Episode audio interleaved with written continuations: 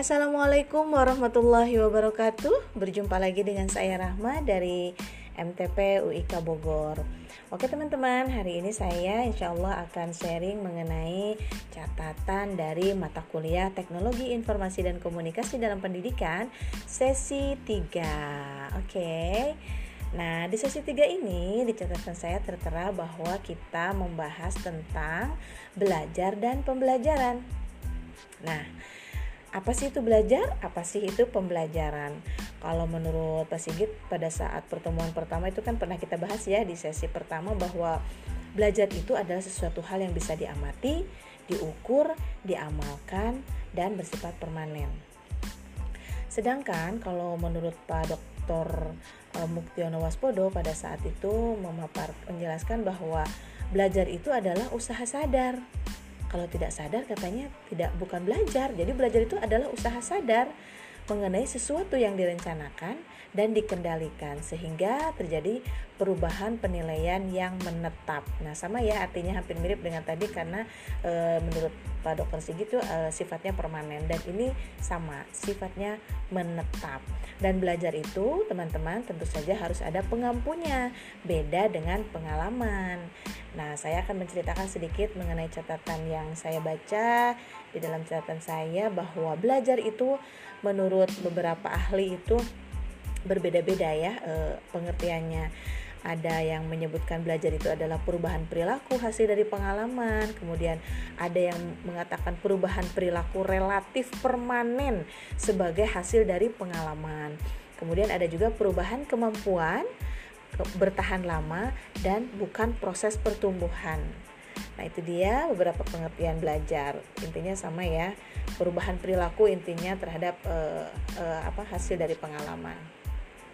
Nah, sedangkan uh, pembelajaran itu sendiri adalah uh, bagaimana kita menata informasi dan lingkungan dalam hal ini adalah tempat, metode, media, peralatan ya untuk memudahkan suatu uh, proses belajar. Nah, ada juga yang mengatakan bahwa menurut uh, menurut Yusuf Hadi Miarso bahwa pembelajaran itu adalah usaha untuk mengelola lingkungan dengan segal dengan sengaja agar seseorang membentuk diri secara positif ya tentu dalam kondisi tertentu di sini eh, di dalam belajar dan pembelajaran tentu saja ada kegiatan pembelajaran Nah, kegiatan pembelajaran itu apa saja teman-teman? Yang pertama adalah adanya stimulus yang menarik ya dengan e, dengan membuat suatu perhatian. Jadi kita e, apa tertarik untuk mengikuti proses pembelajaran.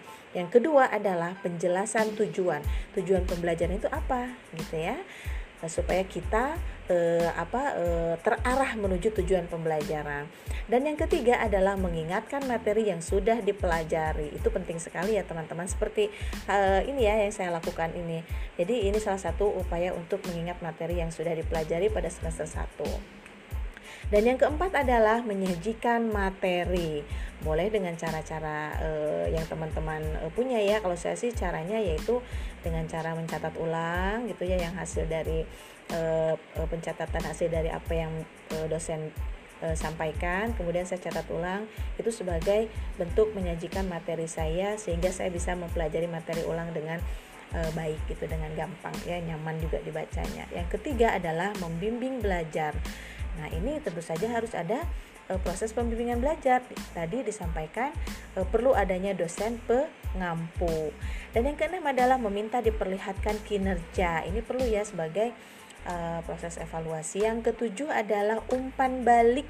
Nah, yang kedelapan adalah menilai kinerja. Itu penting ya. Dan yang kesembilan adalah meningkatkan retensi dan transfer. Nah, bagaimana cara kita mengadakan kegiatan pembelajaran, menyampaikan informasi, pesan kepada uh, peserta didik sehingga uh, apa namanya apa yang kita transfer itu uh, ku, uh, apa kualitasnya sangat baik sehingga bisa gampang dicerna oleh peserta didik. Oke teman-teman, kita beralih ke teori belajar. Teori belajar itu ada apa aja sih? Ya, yang pertama sempat kita bahas di uh, sesi uh, pertama dan kedua juga kita bahas ya.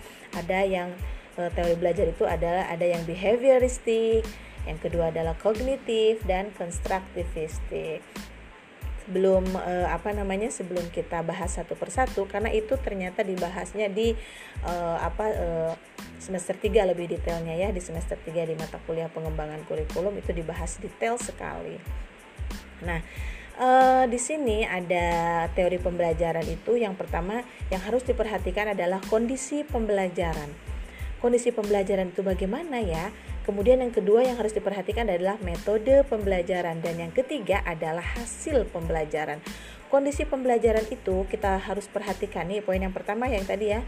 Kondisi pembelajaran misalnya karakteristik mata pelajarannya. Apakah karakteristiknya eh, mata pelajaran itu gampang sesuai dan mudah dipahami oleh peserta didik dan sesuai dengan tujuan pembelajaran atau tidak? Dan apakah ada hambatan? Kalau ada hambatan berarti kita uh, evaluasi dan kita melakukan perbaikan ulang mengenai apa metode. Nah yang kedua metode pembelajaran. Metode pembelajaran ini ada salah satunya adalah pengorganisasian materi ya bagaimana caranya mengorganisasikan materi. Kemudian yang kedua ada strategi penyajian itu masuk ke metode ya. Dan yang ketiga ada pengelolaan kegiatan sehingga akan mencapai poin yang ketiga hasil pembelajaran. Hasil pembelajarannya efektif tidak? Efisien tidak? Dan daya tarik pembelajarannya baik atau tidak? Nah itu eh, yang berkaitan dengan teori pembelajaran. Jadi ada tiga kondisi pembelajarannya bagaimana tadi sudah dijelaskan. Yang kedua metode pembelajarannya bagaimana dan yang ketiga adalah hasil pembelajarannya bagaimana. Oke teman-teman, sekarang kita masuk ke konsep uh, pendekatan pembelajaran, pembelajaran ya. Pendekatan pembelajaran ini ada beberapa. Yang pertama itu ada konsep pendekatan saintifik. Nah, Scientific scientific ini, konsep pendekatan saintifik ini, esensi pendekatannya adalah ilmiah. Cirinya adalah pembelajaran merupakan proses ilmiah. Kemudian, pendekatan ilmiah itu diyakini sebagai e, titian emas perkembangan dan pengembangan sikap, keterampilan dan pengetahuan peserta didik. Kemudian, cirinya yang selanjutnya adalah penalaran dalam pendekatan ilmiah. Di sini tentu ada penalaran induktif dan penalaran deduktif. Penalaran induktif dan deduktif itu apa ya? Kalau penalaran induktif itu memandang um, fenomena atau situasi spesifik untuk kemudian menarik kesimpulan secara keseluruhan, ya. Nah, dari yang spesifik e, menuju yang e, umum gitu kalau induktif. Sedangkan penalaran induktif itu menempatkan bukti-bukti spesifik ke dalam e, relasi ide yang lebih luas ya. Penalaran sedangkan penalaran, deduktif adalah melihat fenomena umum dulu. Jadi yang awal umum untuk kemudian menarik simpulan secara spesifik. Nah, metode ilmiah ini umumnya menempatkan eh, apa fenomena unik dengan kajian spesifik dan eh, detail untuk kemudian merumuskan simpulan umum. Di sini ada metode ilmiahnya yaitu teknik-teknik investigasi atas fenomena atau gejala, memperoleh pengetahuan baru atau mengoreksi dan memadukan pengetahuan sebelumnya. Kriteria ilmiah itu apa saja coba? Jadi metode ilmiah itu uh, umumnya membuat uh, serial aktivitas pengoleksian data melalui observasi dan eksperimen, kemudian uh, memformulasi dan menguji hipotesis, ya. Dari konsep saintifik e, ilmiah tadi ada pendekatan ilmiah dan non ilmiah dalam pembelajaran. Pembelajaran berbasis pendekatan ilmiah ini lebih efektif dibandingkan dengan pembelajaran tradisional tentu saja ya terasa pada uh, saat ini. Karena apa? Pembelajaran tradisional itu informasi dari guru itu uh, sebesar 10% setelah 15 menit dan memperoleh pemahaman kontekstualnya sebesar 25%. Sedangkan pembelajaran berbasis pendekatan ilmiah, retensi informasi dari guru sebesar lebih dari 90% setelah dua hari dan perolehan pemahaman kontekstualnya sebesar 50 sampai 70% itu hasil penelitiannya hipotesisnya ya. Nah, pembelajaran dengan pendekatan ilmiah ini e, harus dipandu dengan kaidah-kaidah pendekatan ilmiah tentunya. Nah, dan dilaksanakan e, berdasarkan panduan nilai-nilai, prinsip e, prinsip atau kriteria ilmiah. Nah, pendekatan ilmiah ini lebih mengutamakan dimensi pengamatan, penalaran, penemuan, pengabsahan dan penjelasan tentang suatu kebenaran. Dan proses pembelajaran harus terhindar dari sifat-sifat atau nilai-nilai non ilmiah ya. Jadi e, maksudnya proses pembelajaran itu semata-mata berdasarkan intuisi atau akal sehat, prasangka, penemuan melalui coba-coba dan asal berpikiran kritis ya. Itu jadi e, tidak boleh kalau tidak e, ilmiah ya kalau proses pembelajaran itu. Nah, um, lumayan cukup banyak ya ini catatannya dan di sini juga apa di di sesi kedua ini kita membahas juga tentang latar belakang pentingnya TIK untuk pendidikan. Nah, kenapa sih TIK untuk pendidikan ini penting? Yang pertama adalah tentu saja di tantangan abad ke-21 ini kompleksitas uh, permasalahannya cukup lumayan ya. Kemudian ada kecepatan pengambilan keputusan pun harus lebih cepat karena ke permasalahannya lebih kompleks. Kemudian efisiensi dan efektivitasnya kerja pun uh, ikut uh, ada di dalamnya dan tentu saja perubahan keadaan yang begitu cepat seperti sekarang ya.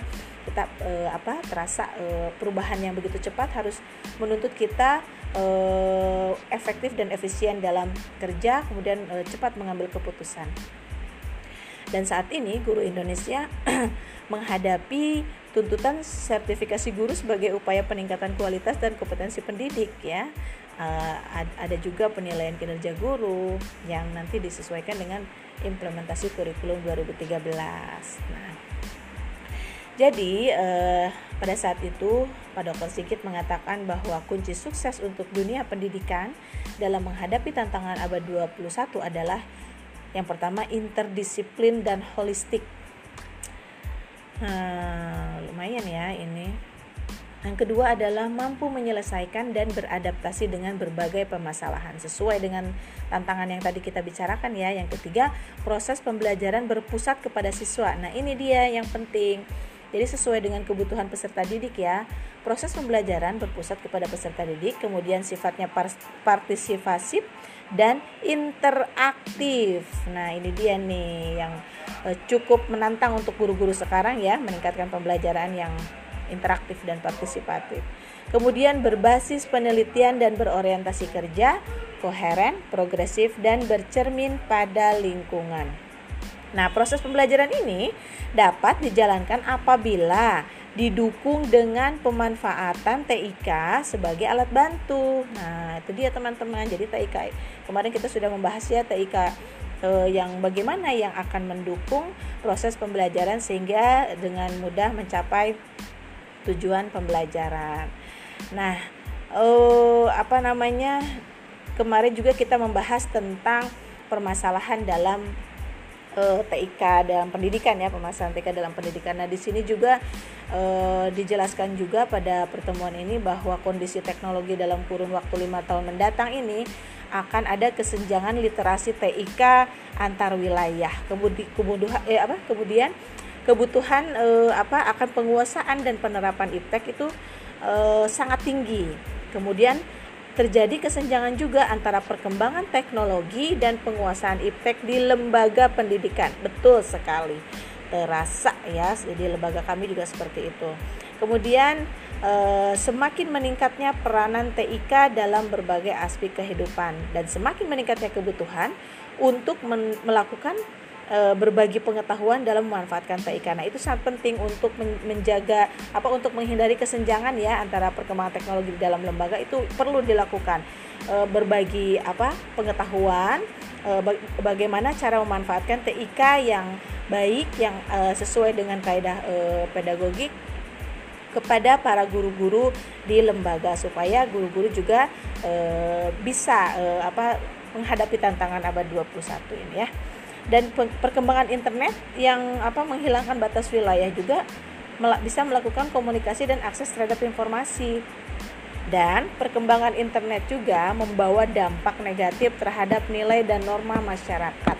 Nah, ini dia kondisi teknologi dalam kurun waktu lima tahun mendatang. Betul sekali ini yang mengenai internet karena memang eh, anak-anak peserta didik sekarang pasti lebih banyak berhubungan apa dengan internet ya dengan gadget dan tentu saja e, perkembangan apa e, membawa dampak negatif terhadap nilai dan norma. Nah, itu juga PR bagi para pendidik bagaimana kita mengajarkan kepada peserta didik untuk e, menggunakan gadget yang baik dan bijaksana. Nah, ini dia. Um, sepertinya catatannya uh, untuk pertemuan yang ketiga ini cukup banyak ya dan uh, di sini juga di pertemuan ketiga ini membahas bagaimana ki, uh, melakukan atau uh, strategi perencanaan TIK dalam pendidikan. Nah, nah ini dia nih faktor yang menentukan kualitas TIK dalam pendidikan. Coba kita lihat satu persatu apa saja sih faktor yang menentukan kualitas TIK dalam pendidikan? Yang pertama adalah tentu saja sumber daya manusia. Nah, faktor SDM ini menuntut ketersediaan uh, human brain yang menguasai teknologi tinggi pastinya. Yang kemudian yang kedua adalah infrastruktur infrastruktur yang memungkinkan akses informasi di mana pun dengan kecepatan yang mencukupi. Nah, ya ini dia. Infrastruktur juga penting kalau untuk pembelajaran apalagi sekarang ya full daring misalnya itu infrastruktur cukup cukup apa uh, di, di, di, di, diperhatikan harus diperhatikan. Kalau infrastrukturnya kurang bagus hasilnya juga tidak akan optimal. Dan yang ketiga adalah kebijakan. Apa itu maksudnya? Maksudnya adalah adanya kebijakan yang berpihak pada pengembangan teknologi informasi jangka panjang. Betul sekali. Yang keempat adalah konten dan aplikasi. Maksudnya di sini adalah uh, adanya informasi yang disampaikan pada orang, kemudian tempat uh, dan waktu yang tepat serta ketersediaan aplikasi untuk menyampaikan konten tersebut dengan nyaman e, kepada penggunanya. Ya tentu saja ya konten aplikasi itu harus sesuai dan e, tepat dan nyaman untuk para pengguna. Dan yang kelima adalah tentu saja finansial ya. Kalau adanya dukungan finansial bagus e, biasanya juga hasilnya juga bagus Nah, itu dia teman-teman uh, sharing catatan sesi ketiga mata kuliah Teknologi Informasi dan Komunikasi dalam Pendidikan. Mudah-mudahan bermanfaat, bisa membantu mereview lagi materi-materi uh, semester 1 dan insya Allah kita akan bertemu lagi di sesi 4, sesi selanjutnya bersama saya insya Allah. Terima kasih. Wassalamualaikum warahmatullahi wabarakatuh.